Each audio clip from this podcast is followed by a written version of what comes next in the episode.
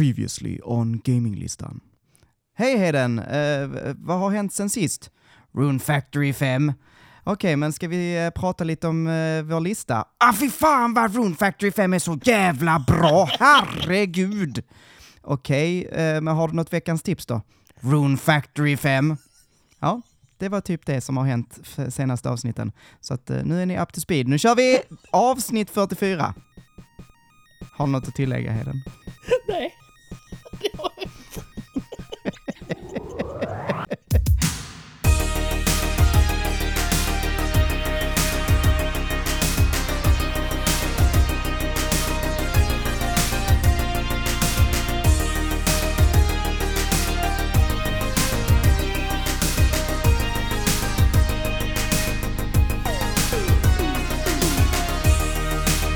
Välkomna till Gaminglistan, podcasten där vi gör listor om spel. Svårare än så är det inte. Och idag så är det ett litet speciellt avsnitt för vi ska göra någonting helt nytt faktiskt. Eh, det är dags att eh, skapa Gaminglistans spelkanon, eller spel du ska spela innan du dör, fast det gör inget om du inte har spelat dem. Det var den eh, titeln Heden tyckte att vi skulle ha. Hej Heden, hur är läget? Jo, det, hej Manuel, det är skitbra. Själv då? Ja, jag gick... Ja, jo men det var bra. Jag gick lite hårt åt dig här i vårt cold opening. Jag, jag tycker inte det gör någonting att du spelar Room Factory 5. Asså, Bara så du vet. bara så du vet så skiter jag i vad du tycker om Rune Factory 5. ja, det är bra. Mycket bra. Ja, ehm, alltså jag måste bara berätta nu när vi skulle sätta igång och spela in, så hände någonting fantastiskt. Det, jag sitter i mitt kök idag. Eh, jag sitter ju på lite olika ställen. Eh, ofta sitter jag på skolan och ofta sitter jag i sovrummet, men idag sitter jag i köket för att Matteo sover där inne i sovrummet. Och så sitter jag med dörren öppen här för att det är rätt varmt inne i lägenheten. Och så hör jag hur någon jävel börjar plinka på en gitarr på någon balkong bredvid mig. Och jag bara, men satan, då kommer jag behöva stänga dörren, du vet. Mm. Sitta här inne i värmen. Nu är det inte så farligt, men, men, eh, men jag, jag blev lite störd över att det är någon som sitter och plinkar. Och sen så bara lyssnar jag lite mer och lite mer. Alltså det var ju en asbra musiker som satt och plinkade på en balkong här borta eh, och sjöng som en jädra gud. Så jag var tvungen att gå ut och applådera och, och wooa som en riktig sån woo-girl. Eller som en riktig heden. Woo! Ehm, men ja, jag undrar om de sitter där fortfarande. Jag måste kolla. A few moments later. Nej, nu har de gått in. Nu har de gått in. Men ja, eh, det var, det var en eh, riktigt eh, kul upplevelse för att man oftast, om folk håller på att väsnas, så kan jag bli lite störd sådär. Jag vill inte höra vad folk hittar på. Ehm, men, men det här var riktigt mysigt faktiskt. Jag kommer ihåg eh, Johan berätta, min kompis Johan, att eh, han hade typ en pianolärare eller någonting som bodde typ någon, vid någon lägenhet bredvid han och jag bara fy fan vad irriterande. Men det hade ju kunnat vara hundra gånger värre också. När min syster bestämde sig för att hon ville spela ett instrument när vi var små. Och hon bara, ja jag vill spela fiol. Och jäklar Mm. vad jag la in mitt Det- veto på det kan jag ju säga direkt. Bara, glöm det. Så fick nöja sig med någon jävla tvärflöjt till slut och det var hemskt nog alltså. Rummet precis Mm. bredvid. Så att eh, jag förstår dig med det Alltså- här med folk som spelar. Alltså, folk som inte kan spela fiol, det ger mig samma känsla som när man drar liksom en, en gaffel över en griffeltavla typ. mm. Det, Jo, eller trampa det på en är katt. så det känns. Mm, mm. Ja, det nej, alltså det är inte mitt favoritinstrument. Eh, men Mm. det är folk som kan spela det. Det är ju det absolut värsta instrumentet när någon inte kan spela det. Och jag Mm. kände att hon kommer ju förmodligen tröttna. För det är väl inte hur jävla enkelt som helst. Så då kommer jag sitta och lyssna på hela den här journeyn fram till att hon är below average. Och bara nej, fuck that shit. Ja, det gör nej. jag inte. Ja, men har det hänt något sen sist? Har du spelat Room Factory 5? Mm. mm? Så- Eh, så det rullar på. Så jättemycket mer än så har faktiskt inte hänt. Nej? Börjar du närma dig slutet eller du tror att du Ja. fortfarande har ett par timmar? Nej. Men jag har i och för sig sagt att jag bara, ja men nu börjar jag nog närma mig slutet när jag hade spelat 170 timmar. Så att eh, nu är jag över 300. Så att, Och så hade du dubbelt så många timmar kvar. Typ, men eh, nu har jag nog fan inte mycket kvar. Det, jag hittar ju på egna mål till mig själv, men nu, nu är det nog fan slut alltså. Nu kan jag nog inte krama mycket ur. Plus att det ryktas ju om en PC-release. Och det, det, den skulle jag vilja spela så jag sparar lite content. För att ha något nytt att göra när, eh, Ja. när den kommer. Okej. ja, så Jag då har ska du spela hela kvar. spelet om igen på PC? Ja, det hade jag lätt gjort. Åh jävlar. Ja, ja, men det var ju intressant. Jag såg nu Ultrafail hade ju eh, skrivit om det var på Discorden eller på Instagram att eh, han hade, eh, hade det installerat på sin eh, Switch. Mm. Men ha, hade Men jag hade inte inte spelat det fram till nu, då hade jag fan väntat lite grann för holy shit vad det är dåligt optimerat. Så liksom, vad fan. Jaså? Ja, det, det var ju det jag snackade om också där när vi, när jag pratade om det för första Mm. gången, att det går alltså typ 10 FPS när det går som sämst. Så att, eh, mm. Mm. Men jag har sett folk som spelar det på emulator. Liksom, och de kan Mm. få upp det till 60 FPS. Så jag bara, mm. Det är kul att jag sitter här med liksom ett legit copy. Och det går liksom som att vada genom sirap. Och så sitter någon där och tankat ner det. Liksom piratkopierat liksom och uh, tankar ner på nätet på en emulator och det bara flyter på hur perfekt som helst. Mm. Det känns Mm. rättvist. Så att eh, bara de släpper det på en annan konsol. Som inte är eh, så utdaterad Ja. så. Ja, alltså jag har, eh, jag har rätt mycket att berätta. Du, jag har en fråga innan du börjar. B- varsågod. Satt du upp och spelade Picross till halv fyra på natten? Ehm, ja, Ja, du det gjorde jag. Eh, men jag, jag sa, alltså... ja, okej. Jag tänkte inte prata om Picross, men, men nu får vi väl prata om Picross också då. Eh, jag, jag, igår så kunde jag inte somna, för att jag har, eh, det är så här, min klass har tagit examen. Mm. Inte jag, jag säger min klass för att jag är inte klar. Jag har ett år kvar där jag har halvtidsstudier. För att jag har varit föräldraledig och för att jag flunkade min uppsats. Det ska jag också säga. Det är inte bara för att jag varit föräldraledig. Det var också för att jag sög på att skriva uppsats. Men min klass är klar, så det var examensfest för dem i torsdags. Jag var med och vi var ute och jag somnade kanske typ tre på natten. Jag är lite ovan vid det, Mm. kan man väl säga, eh, vid festandet och sådär. Så att när jag sen på fredagen liksom skulle hålla mig vaken så gick inte det så bra. Så att jag somnade typ så här klockan fem på eftermiddagen Uff. och vaknade typ halv tolv. Och då spelade jag först ett annat spel som jag ska prata om sen. Men när jag hade spelat fram till klockan halv två så tänkte jag att nej, nu, nu ska jag göra något annat. Eh, men jag var inte riktigt redo att sova, så jag la mig i soffan och tänkte att ja, men jag, jag, jag kommer somna om jag bara tittar på någonting på tvn, liksom eh, någon Netflix-serie, som jag också kommer att prata om sen i veckans tips. Men då tog jag fram och spelade lite Picross och jäklar vad hooked jag blev direkt. Så då spelade jag ju mellan halv två och typ fyra på natten, morgonen. Eh, och sen fick jag panik och tänkte, nu måste jag gå och lägga mig. Så gick jag och la mig eh, och så låg jag vaken i sängen fram till klockan fem. Sen gick jag upp och spelade mer spel till klockan sex och sen somnade jag typ så kvart över sex. Sen kom Matteo och väckte mig halv åtta Mm. i morse. Ja, härligt. Det var, ja. Ja, men Men den, det eh, stämmer. den chocken när man liksom som jag då bara loggar in på mitt switch klockan halv tre på natten och så bara poppar det upp liksom one friend online. Bara, what? jag ska bara gå in och så ser jag, Ja. sitter Manuel där och spelar Picross, då såg jag ju direkt dig liggande snarkandes med din switch bara på ansiktet. Tänkte jag, det Ja, måste ju vara det nej, som men- har hänt, men det, Skulle det hända någon mer gång får du ju höra av dig så kan vi sitta och snacka i alla fall. För jag, det, var, det var rätt så trökigt och bara, eller nej, det var, det var rätt mysigt också. Det är rätt mysigt att liksom Netflixa, Netflix and chill, Netflixa och spela Picross. Alltså det det, det är rätt nice. Men det är inte det jag ska prata om. Jag ska prata om, har jag berättat att jag har spelat ett FMV-spel? nej. Nej, okej. Så att jag har spelat ett FMV-spel som heter Who Pressed Mute on Uncle Marcus. Och det här hörde jag om på The Besties. En podd som vi också kommer att prata om lite senare. Men eh, The Besties podcast, eh, där finns det en snubbe som heter Justin McElroy. Och han är liksom big on FMV. Eh, han tycker väldigt mycket om FMV. Och så tipsade han om det här spelet och sa att det var som ett FMV Murder Mystery. Och då var jag lite sådär, ja men det låter ju ändå rätt mysigt. det låter lite nice. Så jag, och så kostade det inte sådär jättemycket.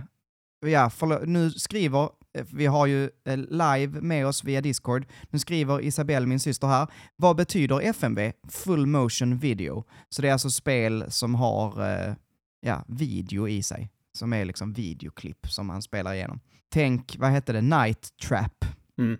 eh, på Eller- CD. Dragon Slayer om man går tillbaka ännu längre.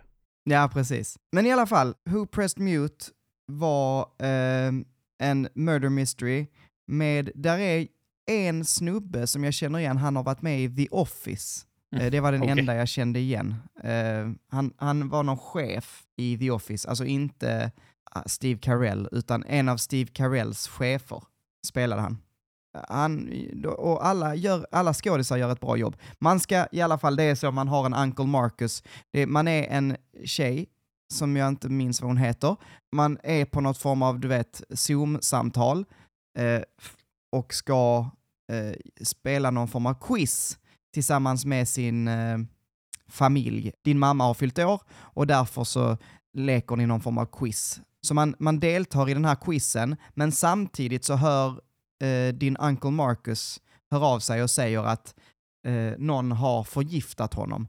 Och det är någon av de andra i, eh, som är med i quizen, alltså någon av dina släktingar har förgiftat din Uncle Marcus på ett möte som hände dagen innan eller två dagar innan, eh, som du inte kunde vara med på.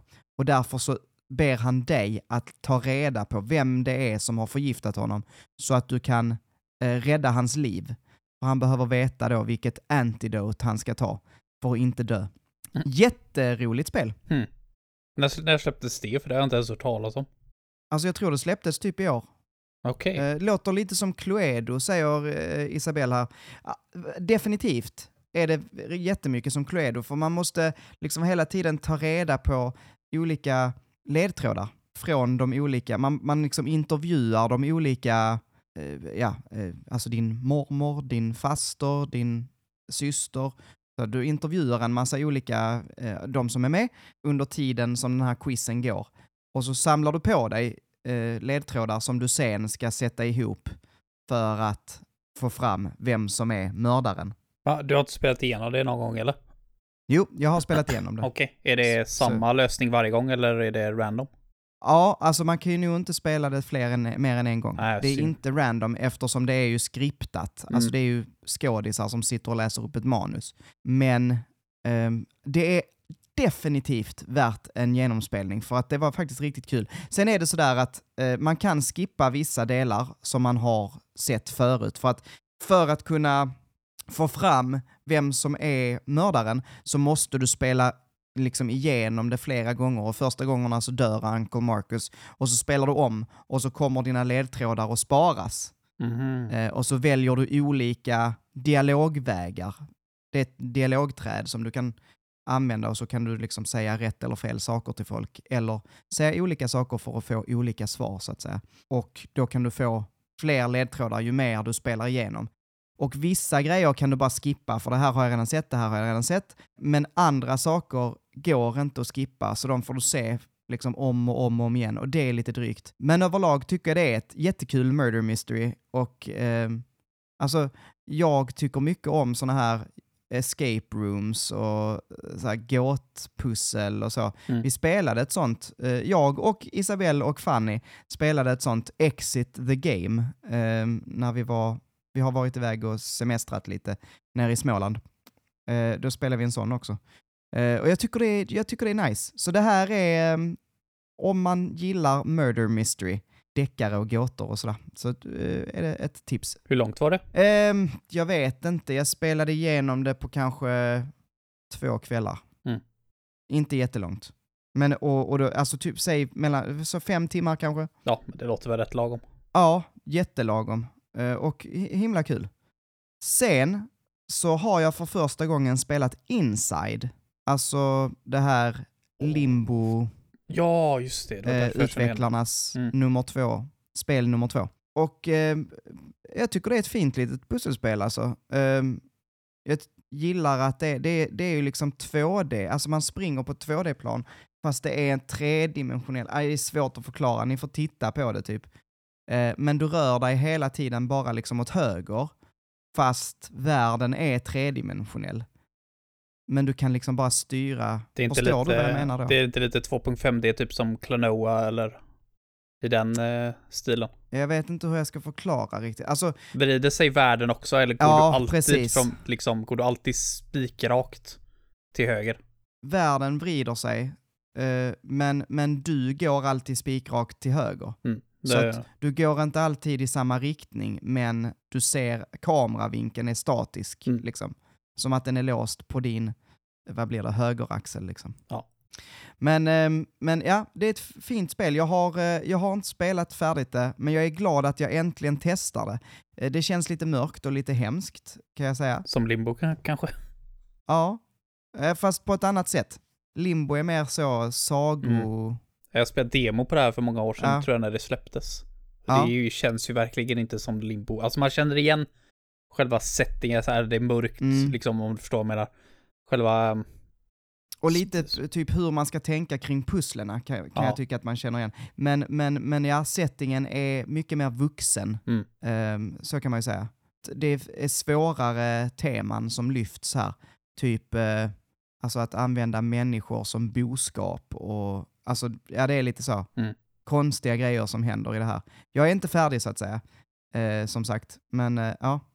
Och sen, så nu precis, det spelet jag spelade då när, eh, innan jag började spela Picross, det var Guardians of the Galaxy. Minns du det, att det släpptes ett Guardians of the Galaxy förra året? är det sån här superhjälte-spel? Marvel, Mm. eh, precis.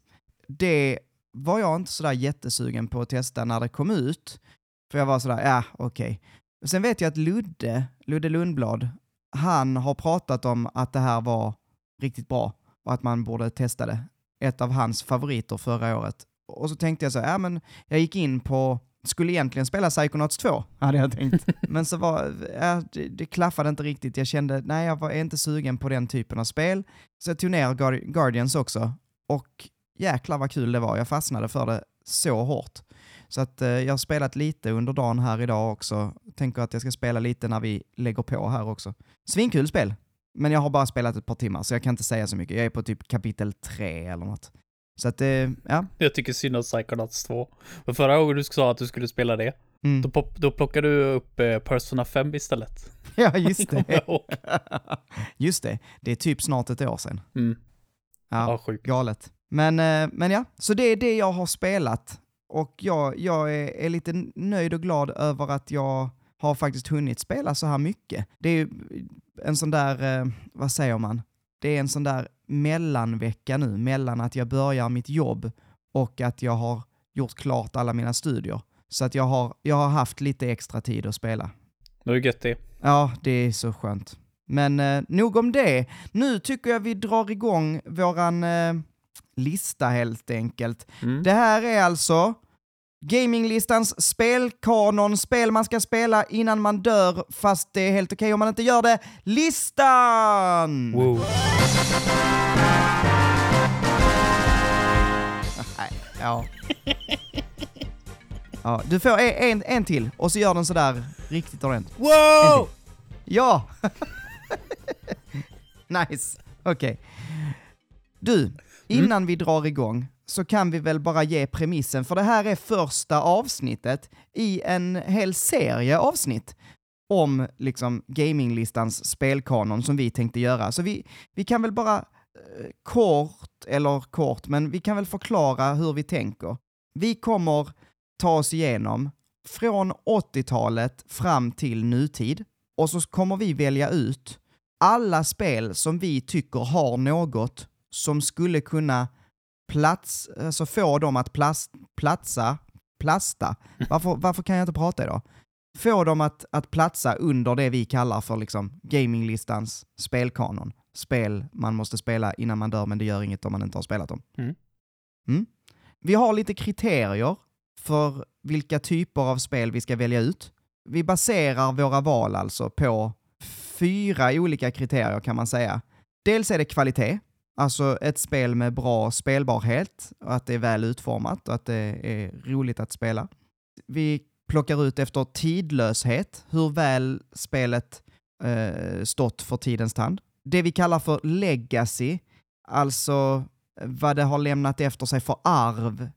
Vad har spelet betytt för kulturen, för spelkulturen eller för spelmediet? Vi tittar också på hur nyskapande spelet är, alltså hur, vad förändrade spelet? Vad banade det väg för, för framtida spel? Och det är ungefär, det, det, det är sammankopplat med legacy kan man säga, men det är inte riktigt samma sak ändå. Nej, nej precis. Det kan ju vara ett ensamt spel som aldrig fick sig någon, någon legacy, så att säga. Inget, Exakt, ingen uppföljare och så här, men som ändå förändrade men som förändrade spelvärlden. spellandskapet. Mm, precis. Precis.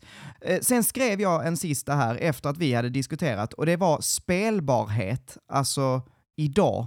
Mm. Hur enkelt är det att få tag på idag? Och det, det skrev jag till också att det är inte ett plus att, att det är enkelt att få, få idag, men det är, kan, jag känner att det skulle kunna vara ett minus om det är svårspelat. Alltså ta till exempel ett spel som skulle kunna vara med på listan om vi inte hade dragit vår gräns vid 1980, så skulle det kunna vara Tennis for two. För att det är ju det första spelet någonsin. Utan det hade vi inte haft några spel alls. Men jag menar, du, du kan ju inte hitta det spelet någonstans. Förutom kanske på något museum i USA. Mm.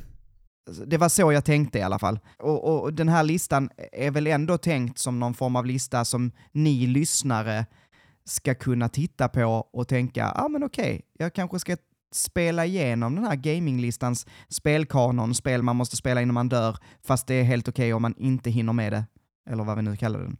Ehm, alltså, så, så det, var det, det var så jag tänkte. Tycker du det känns rimligt? Det känns rimligt, men det är Ja. som sagt, jag tror det är inte ett jättestort problem vi kommer att stöta på. Nej, precis.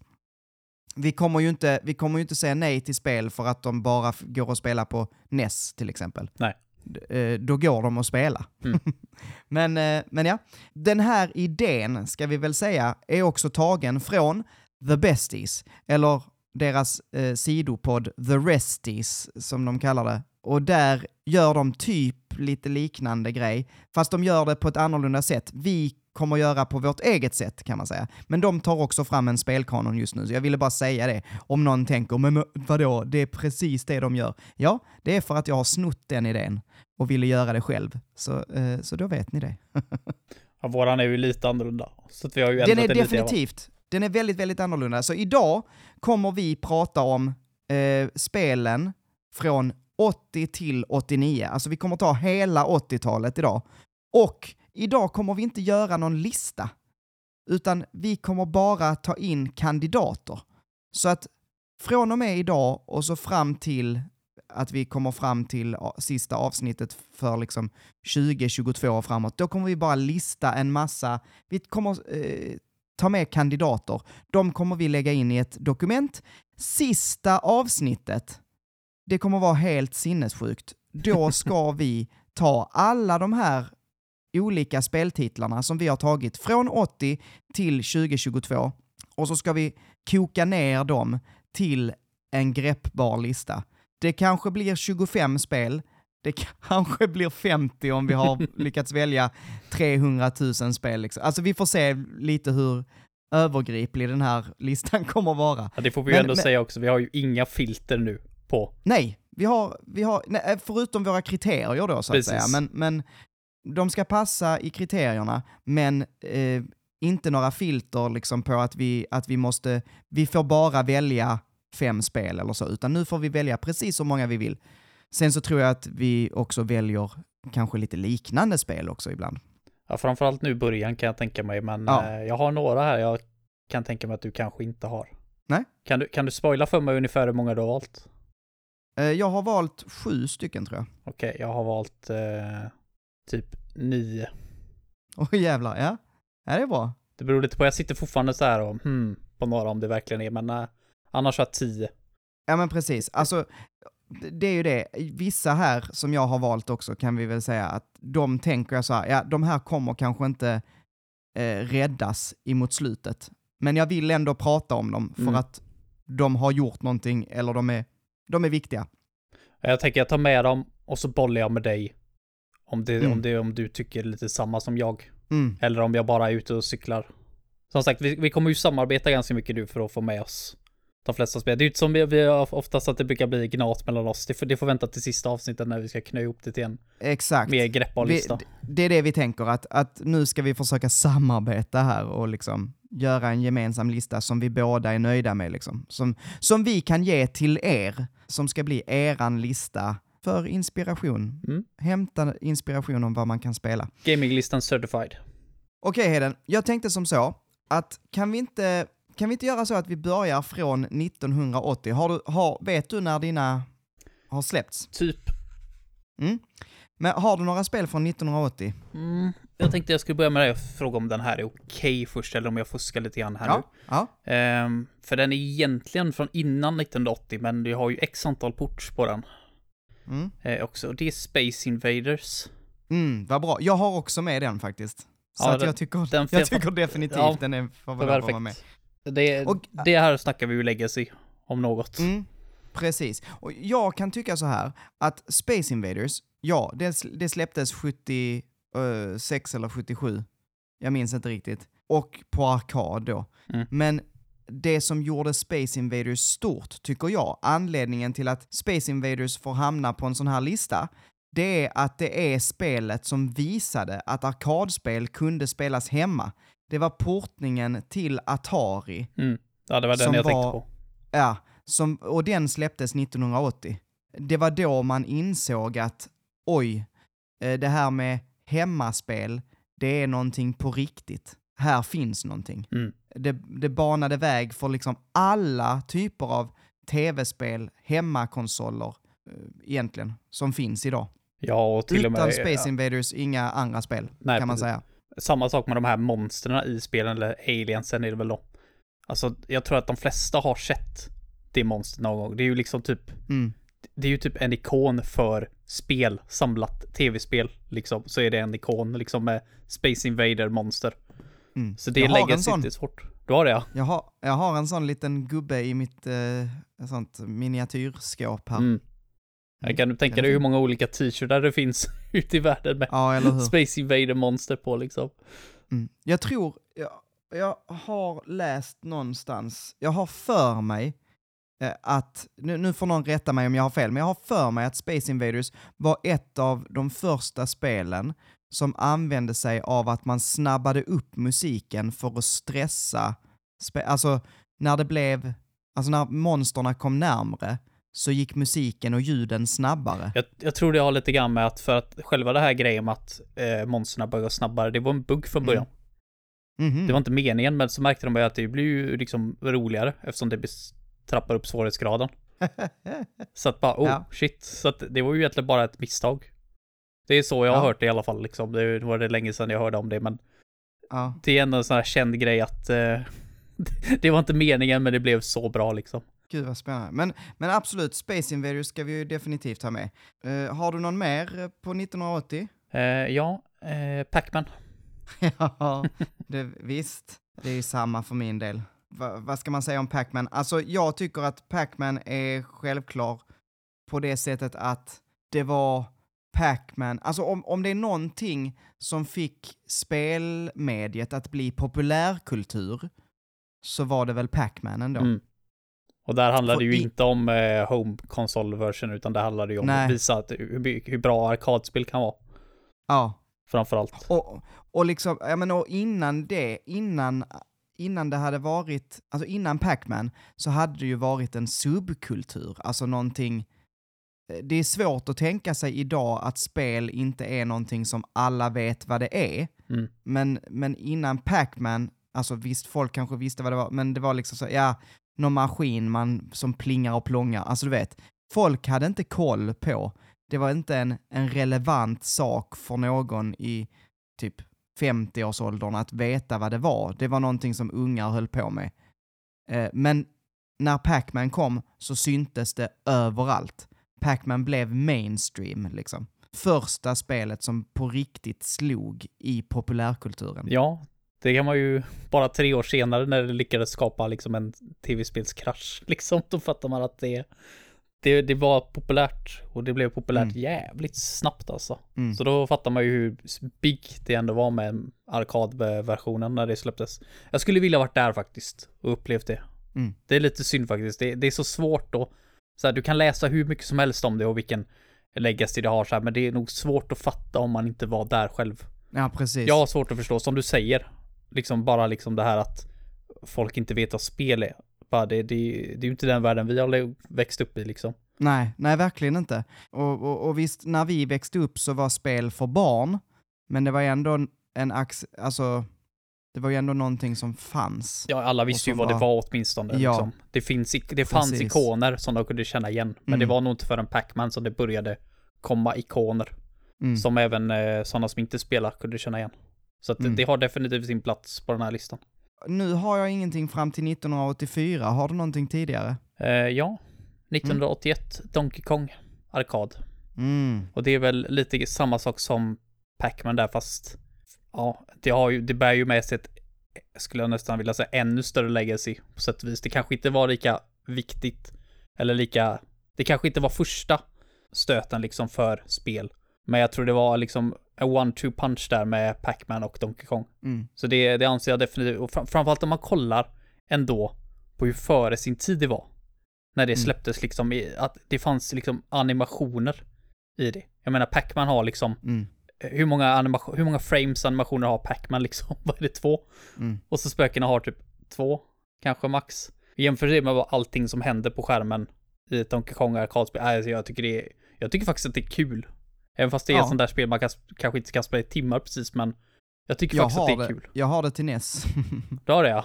Ja, Ja. nice. jag har den Donkey Kong-samlingen, Donkey Kong, Donkey Kong Junior. Jag tror, är inte detta också det första spelet som faktiskt har handling? Alltså det är väldigt basic att kalla det handling, men alltså in, om man tittar på Asteroids, om man tittar på Space Invaders, om man tittar på Pac-Man, Frogger, alla de här tidigare spelen, de handlar ju inte om någonting, utan de är ett spel som, eh, alltså patiens eller som, du vet den här med eh, kulan man ska rulla så att man inte får ner den i hålet. Alltså, Mm. du vet, det, det, de brädspel har ju, eller så här, sällskapsspel, Fia med knuff, det har, där finns ingen handling. Det är kanske mer att det det, ett fanns ett spel. mål. Det kanske Ja, var mer det liksom. precis. Att det fanns Det var en faktiskt någonting, tävling, en lek. mm, någonting du skulle Men- klara av och inte liksom bara ö, överlev. Ja, Utan du skulle faktiskt men- göra någonting. jag tror faktiskt att Donkey Kong var första spelet där du hade liksom ett uppdrag mer. Eh, Det, det, man såg att Donkey Kong hade eh, stulit den här eh, Jumpmans eh, flickvän Pauline. och man, ja, Pauline, och man skulle hä- hämta, rädda henne. Och hon stod där uppe och skrek “Help!” Mm. Alltså, det, det- var en helt, där fanns liksom ett, en story. Mm. Ja, första arkadspelet i alla fall med Ja, ett mål och en lit, liten story, även om den är väldigt, väldigt basic så ja, absolut. definitivt. ja, vad har du mer? Har du någonting innan 84? Ja, det har jag faktiskt. Ja. Eh, den här var jag lite, lite osäker på, men nu när du pratade förut om, eh, vad sa du nu, jag har glömt vad det där jävla spelet hette du, det där med Uncle någonting hos paus. Ja, ja, ja. Eh, eh, who pressed mute on Uncle Marcus? Ja. Då Mm. nämnde jag Dragon Slayer lite grann snabbt där och det har jag faktiskt Mm. med mig. Dragon Slayer arkad från 83. Ehm, för det är lite grann också så här, det var en egen grej. Och Mm. det banade också väg lite grann för FMV. Men sen så FMV har ju inte haft riktigt eh, samma straight line. Liksom det har varit lite bumpy road eh, på vägen. Men jag anser ändå att det har sin plats i spellandskapet och där Ja. var ju Dragon Lair först. Och kan du tänka dig att gå in i en arkadhall 1983 och se spel Och som Pac-Man och Donkey Kong och sen Dragon Slayer. Fattar du hur det måste ha stuckit ut? Ja, alltså för er som inte vet, nu, eh, många av er har ju koll på det här, men jag, för er som inte vet, ni, ni kanske kan se Frogger och Pac-Man och Asteroids framför er. Dragon's Lair såg ut som en tecknad serie. Mm. Typ som Bumbibjörnarna. alltså, ja, det brukar jag tänka på. Men alltså, det såg så snyggt ut och, och det var FMV, det var full motion video. Och det du gjorde var att du tryckte på rätt liksom tryckte till höger, tryckte till vänster, duckade. Eh, för att komma vidare i den här, ja, Video. det här avsnittet, videon.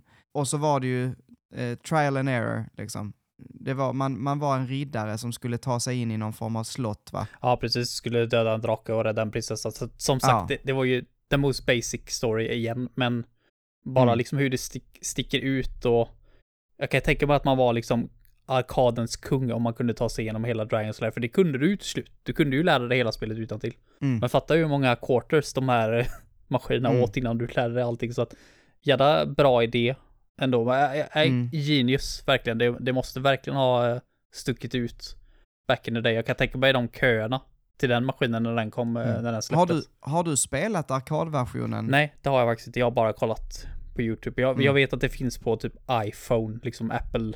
Eh, att man kan spela där, men vad fan, där vill jag ju fan inte spela det. Fan. Nej. Jag har ju spelat NES-versionen. Mm, det är något Och det helt är- annat. Ja, det, det, alltså rör inte den. Inte ens med tång. Det är sånt skit alltså. Du har ju ändå spelat antar jag eh, den europeiska versionen då? ja, eh, jag spelade emulerat så jag vet inte. Nej, jag, jag vet vet, inte att vad jag har eh, spelat. den amerikanska versionen är ju helt broken. Den, Jaså. är, den är ju liksom hundra gånger värre. Det går ju att kolla på, vad är det, Angry Video Game Nerd tror jag det var som gjorde det. Ja. Och då visar, då visade han ju det liksom amerikanska och det är ju typ halvt omöjligt att ta sig igenom för att det går så långsamt. ja. Ja, men det, det, men Dragon's Lair, ett, ett, ehm, absolut, vi, vi lägger in den här. Nu har jag ingenting på 84 så nu är det din tur. Har du, har du ingenting på 84? Det har jag faktiskt inte. Va? Ja, då vet jag Berätta, inte vad berätta för vad mig vad jag har missat. Ja, Tetris. Jaha, det fick inte jag upp som 84. Jaha. Nej, alltså eh, Tetris togs ju fram 1984. Det kom ju inte till spelkonsoler förrän mycket senare. Det mest kända släppet är ju till Nintendo Entertainment System. Men, men det släpptes faktiskt 1984. Det är super, eh, superintressant. Alltså Tetris historia är så invecklad, så knepig, men jätteintressant. Och har ni tid så kolla på Gaming Historians eh, YouTube-klipp om Tetris. För det är eh, ja, så, så knasigt. Under en tid, det skapades ju av en ryss, eller Sovjet, för det var under Sovjet. Och i Sovjet så fick man ju inte lov att, alltså man kunde inte sälja sina idéer. För det var ju en kommunistregim, så att allting du skapade var ju, tillhörde ju Sovjet. Mm. Och så de, då var det liksom ett gäng där som hade programmerat det här spelet.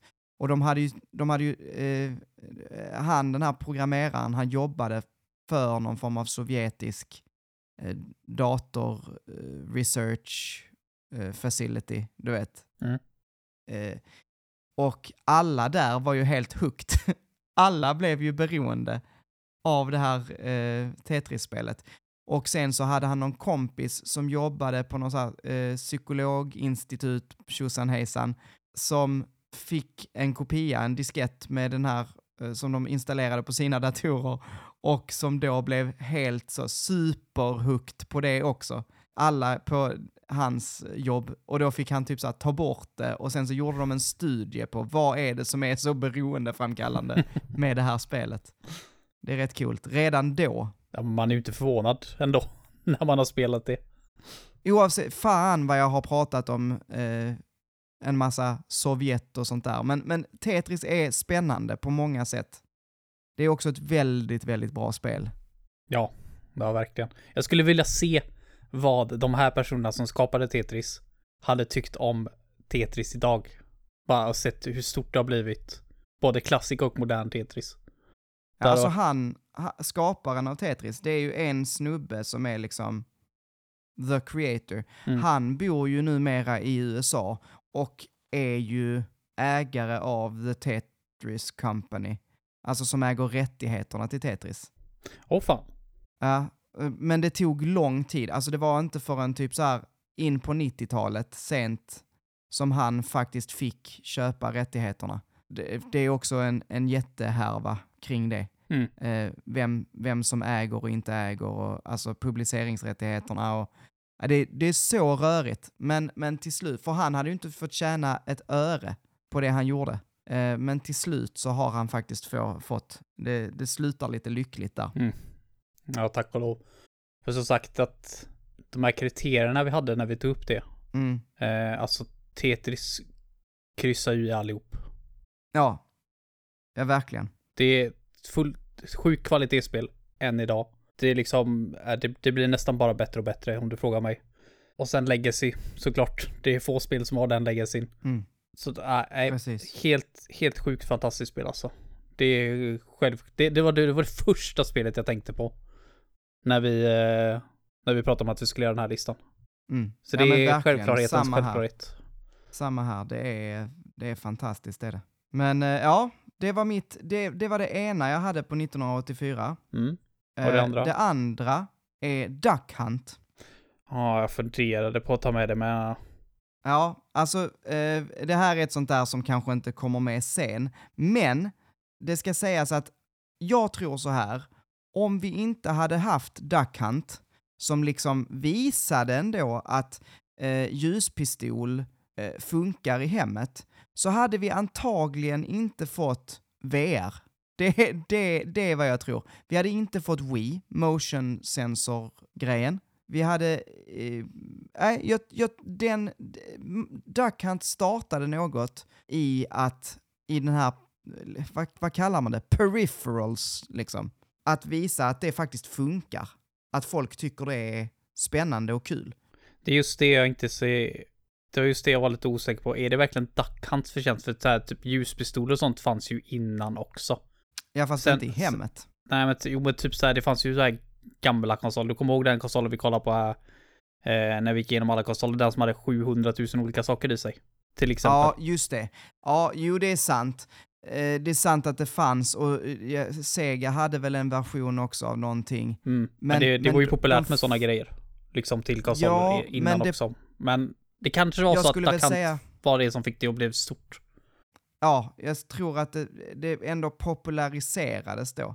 Alltså, ja, jag, nu när du säger det, jag, jag, ska, jag får göra mer research där tills vi ska eh, göra sista.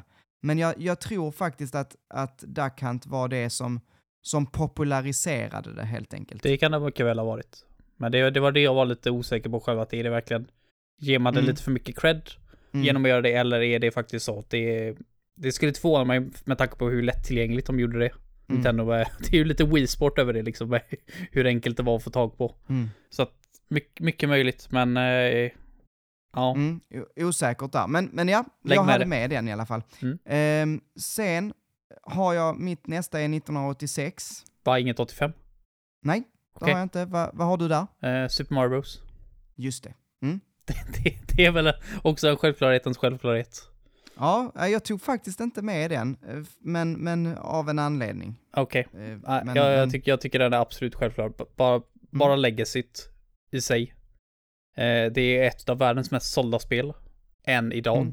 Och när det släpptes så var folk fortfarande vana vid att ha alla sina spel, liksom att de utspelade sig på en ruta.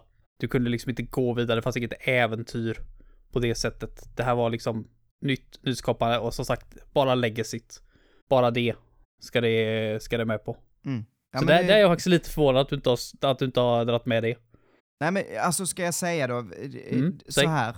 Eh, jag, eh, mitt sista spel faktiskt, eh, som släpptes 1988 i Japan, det är Super Mario Bros 3.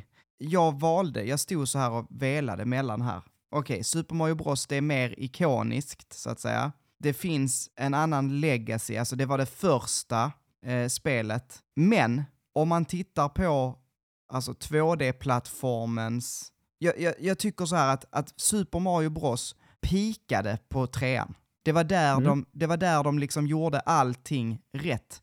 De skapade den här övervärlden, de skapade, de utvecklade uppgraderingarna, de gjorde de här dräkterna du vet och de införde minispel, du- eh, patiens och memory och sådär. Andra eh, grejer som inte, det är små grejer, det är små tweaks kan verka, men det är väldigt betydande. Jo, det kan jag hålla med om, men där är samtidigt också Super Mario Bros 3 hade ju inte funnits utan Super Mario Bros 1. Nej, så är det ju, men, men det, det, alltså, Ja, och så kan man ju säga om allt. Och hade, hade vi sagt så om alla spel, då hade vi bara tagit allt av det första som hade kommit, Mm. så att säga. Nej, Det här så, så är är det ju- inte riktigt faktiskt. Det kan ju vara ett längre spel in i serien som faktiskt lyfter det. Exakt. Men just Super Mario Bros var ju, det är ju kvalitet. ja, är det ju. men jag tycker att, jag, alltså så här. Sen så måste ju inte det utesluta att vi tar med bägge två. Det måste det ju faktiskt inte. nej, nej, men jag, bägge, jag, tyckte två, att, jag, absolut. tyckte att, jag tyckte att det kändes eh, som att det räckte med det ena eller det andra och då valde jag Super Mario Bros 3. För jag, jag tycker precis som du nämner nu att, att, att det finns spel som gör saker mycket, mycket bättre. Och det, det är precis det jag tycker. Kvaliteten är mycket bättre i Super Mario Bros 3. Eh, tidlösheten är bättre.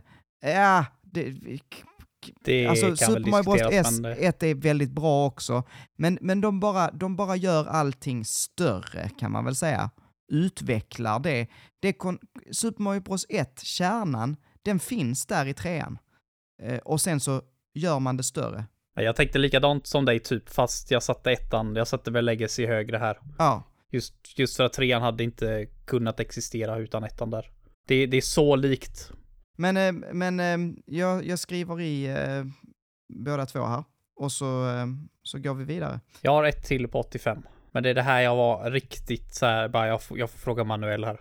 Mm. Och det är ett annat arkadspel från Sega och det är Outrun. Ja, Och det känner du ju till. ja, Och det känner jag också, det var som bilspel i alla fall rätt före sin tid. Och jag tycker att den spelbarheten den har, eller den kvaliteten det har.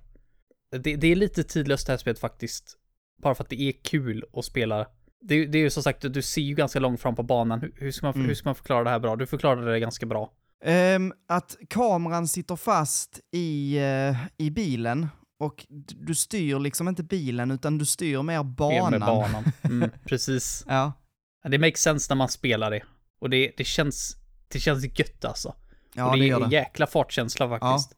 Det känns bra fortfarande och det, jag tycker ibland, vilket är konstigt, så släpps det spel, eller det har släppts spel senare som inte känns lika bra som Outrun. Nej, precis. Och det görs ju fortfarande outrun-spel och den här typen där man säger att ja, det här är ett outruns-aktigt Mm. bilspel liksom. Blåa bilen som jag har spelat med Blåa Matteo.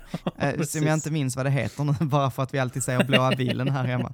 Det är ju precis så. Horizon Chase Turbo heter det. Ja, just det. Ja, då hade jag nog hellre kallat det blåa bilen. Ja. Nej, men jag tycker ändå det bär med, kanske inte ett jättetungt legacy, men Men det, är syns än idag. Ja, alltså om man, om man tar uh, arkadracing har nog mycket att hämta från Outrun. Det, det skulle jag säga. Ja, jag har rätt 1986 härnäst. Mm, same. Men tar du ditt först? The Legend of Zelda. Okej, det har jag som 87. Ja, okej, ja.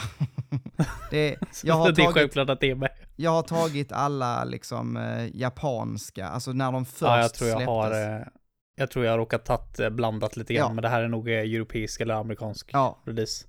Ehm, men anledningen till att jag tycker att The Legend of Zelda, alltså originalet, ska vara med, är för att, jag, jag ska säga, jag tycker definitivt inte det är bäst på något sätt i serien, alltså inte ens i närheten. Det finns många andra eh, i serien som är bra och när vi väl är färdiga med den här listan så kommer det kanske ryka. Men det jag vill säga om det här spelet är att det sätter ändå standarden för hur ett actionäventyr ska göras Mm. när, när Miyamoto och Nintendo skapar det här så gör de någonting som ingen har lyckats med tidigare. De öppna världarna kan man, kan man faktiskt tacka The Legend of Zelda för. Den öppna världskartan så att säga.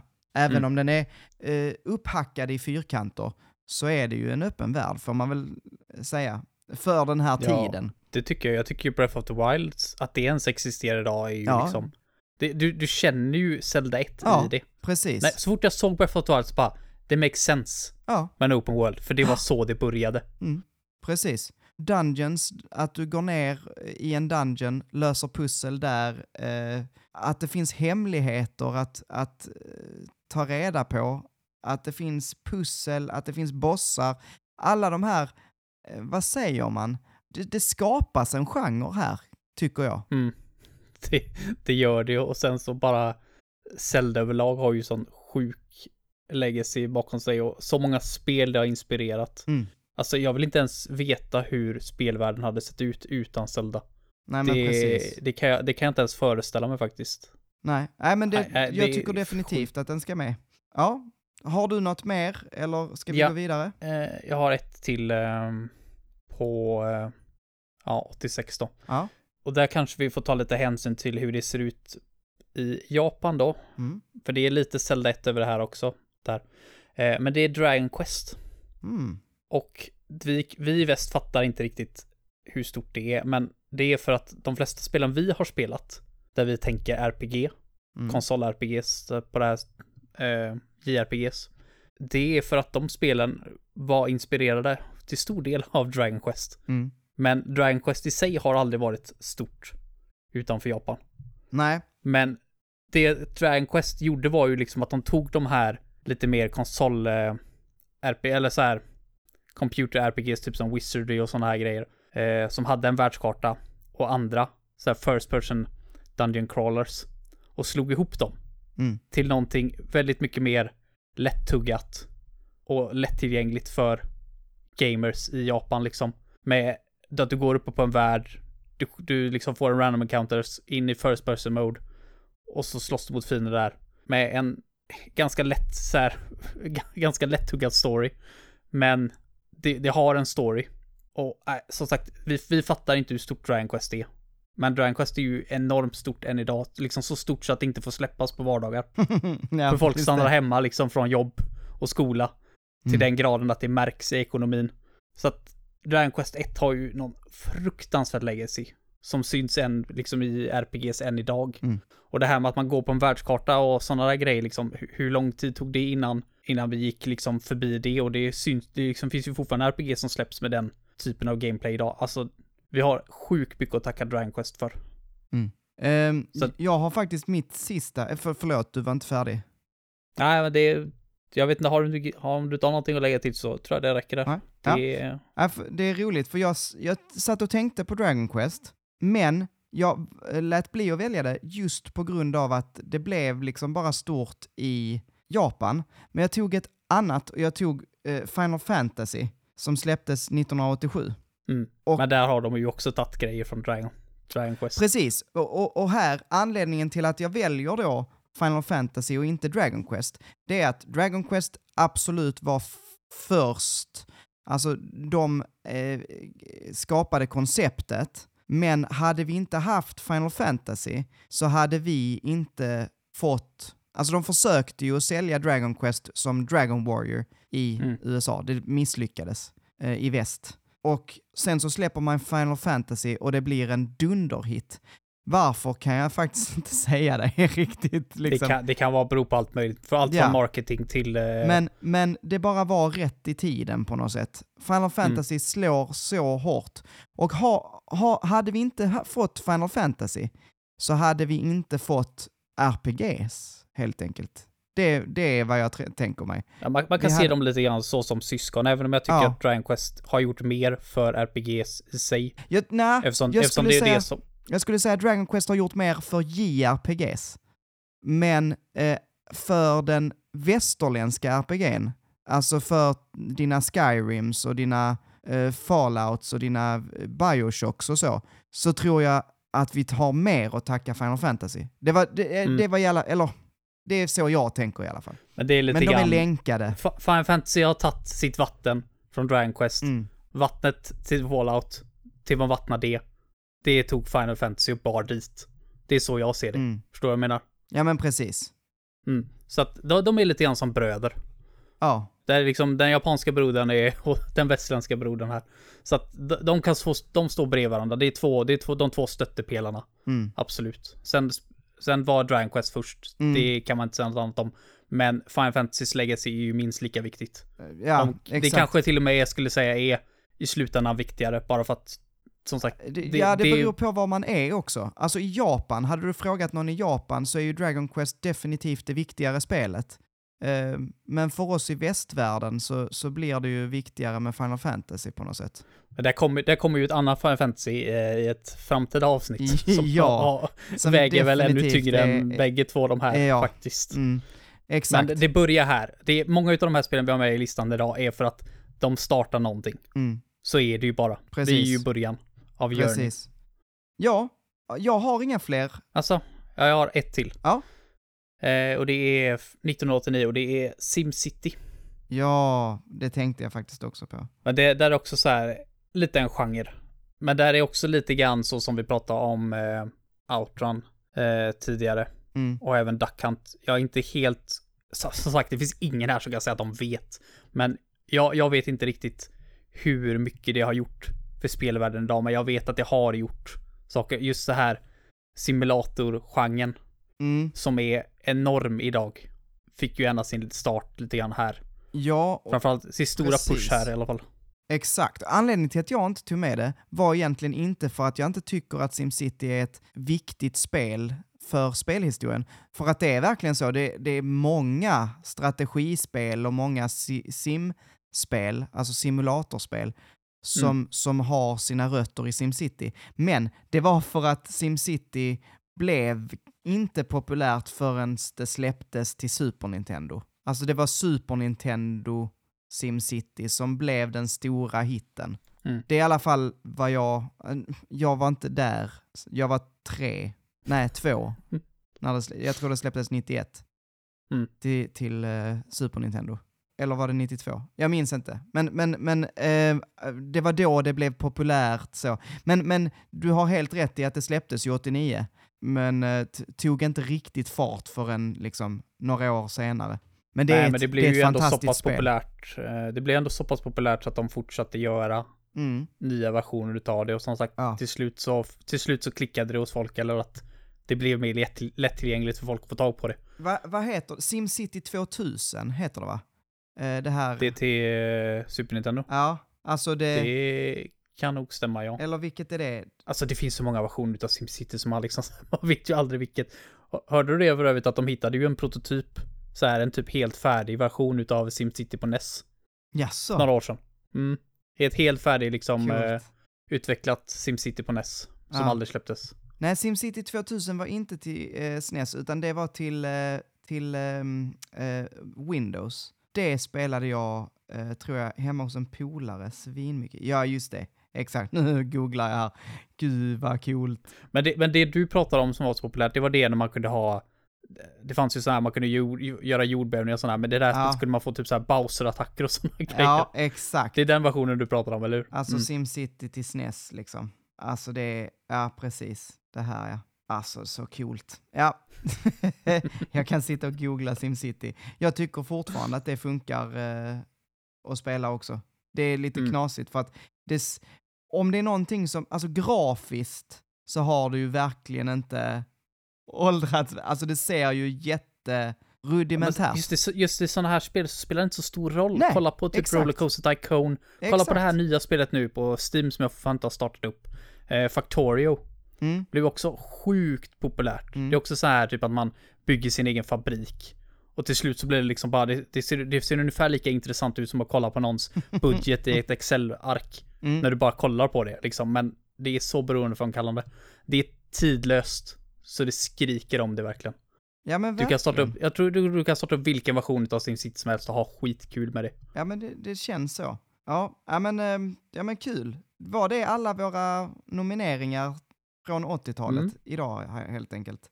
Hur många har vi fått med oss nu i första avsnittet bara? Då ska vi se. Du får räkna här medan jag säger dem. De är Mm. som följer. Space Invaders, Pac-Man, Donkey Kong, Dragon's Lair, Tetris, Duck Hunt, Super Mario Bros, Outrun, The Legend of Zelda, Dragon's Quest, Final Fantasy, Super Mario Bros 3 och Sim City. Det är 13. 13 spel har vi fått ihop från 80-talet som vi tycker är värda att spela helt enkelt. De här eh, kan ni ju bara ta hem och grunna lite på, kära lyssnare, och eh, så här smaka på. Lite så, mm, är, vilka är bäst här? Och sen så kommer vi lägga in det i våran, vårt lilla dokument och om eh, ett par veckor så slår vi ihop dem tillsammans med de andra. Vi kommer göra så här att vi kommer inte, vi kommer inte ta bara de här gaminglistan kanon eh, spel man ska spela innan man dör fast det är okej att inte ha spelat dem, avsnitt bara, utan vi kommer köra lite grejer emellan. Så ni vet, så det kommer ta ett tag innan vi blir färdiga med det här. Men vi kommer påminna er om vad, vi, vad det är vi håller på med. Nästa gång, vi kommer göra så här också, för vi tyckte att kommande årtionden är lite svårare att dela in på liksom tio år, då kommer vi ha så himla många. Så vi har fem års intervall nu, så nästa gång så pratar vi om 90 till och med 94 och gången efter det 95 till 99 och så vidare. Så ni vet, Precis. toppenbra. Innan vi lämnar Heden, har du några veckans tips? The Rune Factory 5. Ja, okej då.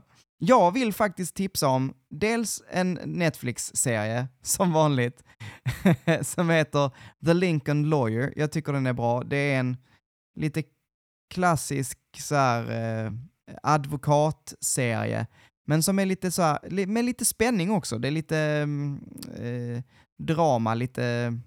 Ja, det är en, en eh, dude som eh, är advokat som typ får ta över en advokatbyrå från en kollega som har blivit mördad och så gäller det att ta reda på då, han har, får ärva en massa case. vad, fan, vad fan, det är ju, det är ju samma story som eh, Phoenix Wright ju. Jaså? Ja, Ja, men, men typ så. ja. ja men det, den är rätt eh, intressant och då är det en, eh, eh, han har då ett, eh, en trial som man måste vinna, en jätterik man som eh, står dömd för att ha mördat sin hustru. Och så ska, man då, ska han då motbevisa att det har hänt. Samtidigt som man vill få reda på varför den här andra advokaten har blivit mördad. Samtidigt som han har ett tidigare missbruksproblem och ja men sådär, det, det finns mycket att unpacka där. The Lincoln Lawyer, samma, det finns faktiskt en film också som jag inte har sett med Matthew McConaughey. Men eh, det här är alltså en ny serie, finns på Netflix. Eh, sen vill jag också tipsa om Exit the Game. Jättetrevligt eh, spel. Det är alltså ett brädspel eller ett sånt här, vad heter det? Vad heter sånt? Safe room? Nej, inte safe. Mm. Ja, det var det du pratade Ja. om eh, tidigare. Då. Precis, som jag pratade om tidigare. Eh, det, det är faktiskt riktigt kul. Det är ett sånt där spel som bara går att spela en gång.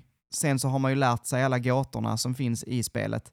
Escape room, tack Isabel. Men, men eh, så det man gör är att man, man får liksom klippa i spelet och man viker och skriver och man använder liksom allt, till och med kartongen i spelet för att lösa gåtorna för att ta sig vidare.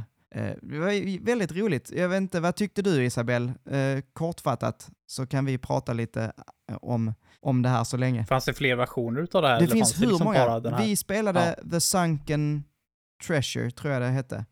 Eh, Isabelle skriver att hon tyckte det var roligt. Eh, ja, men det var det faktiskt. Vi spelade jag, Isabelle och eh, min fru Fanny då. Och eh, ja, det var, många kan det man var vara? roligt. Ja, fyra tror jag det stod. Men alltså man kan ju egentligen vara hur många som helst. För att det är bara att man ska hjälpas åt med lite gåtor. Mhm. Men det är väl mer att man får Du inte skulle kunna spela det som- själv också. Ja, en, en Även om det fyra. låter jävligt sorgligt. Ja, Helt Mm. rätt. Men det finns, Exit the Game finns det flera, flera stycken. Eh, jag vet inte hur många, men det finns i alla Mer än fall en. Ja, en handfull. Alltså det finns rätt många. Och så är, finns de i liksom lite olika svårighetsgrader. Det här var svårighetsgrad 2 av 5. Jag startade lite enkelt för att se hur det kändes. Så nästa gång kanske man ska ta något lite svåra. Och de finns ofta på rätt så bra, till rätt bra priser. De är inte allt för dyra. Vilket är bra för att man klipper sönder spelet så att man kan ju bara spela det en gång. Så det får man ju... Men det är som att, ja men du vet, käka en god middag på restaurang, då lägger du ju en 500 Här lägger du kanske 80 spel på, 80 spel, 80 spänn på att få liksom en, en kul kväll med ett spel. Jag tycker inte det är, det är inte bortkastade pengar kan jag känna. Nej, men det är ju gött att de har lagt det på den de för, alltså, eh, brädspel är fan inte billigt. Nej, precis. Det är det inte. Det- så att, eh, Jag tror att det kanske, jag, jag vet faktiskt inte vad det kostar eh, vanligtvis, men jag tror att jag köpte det på rabatt för typ 80. Ja, de kostar typ 165, eh, 160 typ. det är ganska dyrt för en engång, så, även så här, det, är, det är väl absolut värt det om det är kul. Ja, en kväll liksom Ja, tillsammans. men- men, det, det, det är... när du förstör det liksom. Ja, nu ska vi se här. Hur, hur många fanns det här? En, två, tre, fyra, fem, tio, minst tio stycken. Så att eh, det kan jag absolut eh, tipsa om. Det finns ett Sagan om ringen, Exit the Game. Kan vara kul om man gillar det. nu har jag inte mer att säga. Hörni, tusen tack för att ni har lyssnat. Eh, ni vet som vanligt, om ni känner för att prata med oss, diskutera vad vi har pratat om och sådär, så joina vår Discord. Och ni vet, det var väldigt länge sedan som jag sa det, att ni får jättegärna sprida gaminglistan. Om det är så att ni eh, känner någon eller vet någon som, som ni tror skulle kunna vara intresserad av en sån här, ja vad, vad, vad kallar vi det, Podcast. spelpodd, podcast, eh, så, eh, ja, så kan ni bara skicka dem our way. Hej på er alla nya. Nu, du, du, spela upp det här för dem då. Hej, välkomna, det här är gaminglistan. Vi är en podcast. Välkomna hit. Jag hoppas ni ska trivas. Ehm, så, nu kan ni sluta spela upp det. Fan vad du sålde in det. Ja. Jäklar. Vad regnade in. Jag kände, Ja. jag kände, alltså entusiasmen i min röst var på topp. Jag, jag börjar Mm. bli lite trött nu känner jag. Och bara hur unikt du sålde in liksom en, wow, en, pod, Mm. en spelpodcast. Okej, jag tar en en ny tagning. Ny tagning, okej? Spela Mm. upp det här istället. Hallå! Vad trevligt att ni tittar förbi. eh, Här eh, på, hos gaminglistan så kommer ni trivas riktigt bra kan jag säga dig. eh. Är det var det, lite för...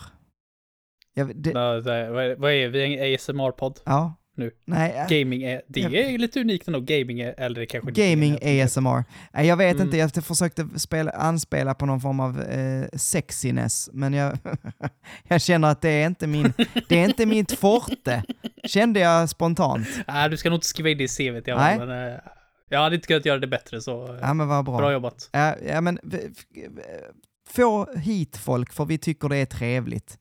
Lite sliskigt, ja, precis Ja. som eh, Bella sa. Men ehm, Li, lite, lite sliskigt. lite Spela inte upp det på folk. Vi Nej. vill ha nya lyssnare. Bara, ta, bara ge dem ett avsnitt så får det sälja in sig själv helt enkelt. Om ni känner för att eh, höra mer av det här eh, och mindre av det här sliskiga som jag gjorde precis, så kommer vi spela in ett eftersnack. Och då ska man vara Patreon för att få höra det. Och alltså om ni sitter där hemma och tänker, åh ja, men jag har ju inte så mycket cashish. Det kostar bara en tia hörni. Och om ni inte har en tia så är det helt okej ändå. Då kan ni bara lyssna på det här. Eh, men ni får fan inte lyssna på e- eftersnacket. Vad bra jag är på att sälja in patreon.com slash pantsofgaming också, eller hur? Oh, vad Du skulle gjort det i svensk sliskiga rösten också. Åh, eh, pantsofgaming.com. vad är det jag gör? Det heter Jag, håll, inte jag så håller ens. knappen över sluta spela in eh, Ja, nu slutar vi. Nu spelar vi in ett eftersnack istället. Förlåt för att jag... Glöm inte att tacka alla. Ja, tack så mycket Ultrafail för att du har gjort våra fina eh, eh, såna här faces, loggor. Tack så mycket till Jonathan Westling som har gjort introt. Heden, vi hörs i eftersnacket. Tack vi. för att ni har lyssnat. Puss och kram, hej då! Hej då!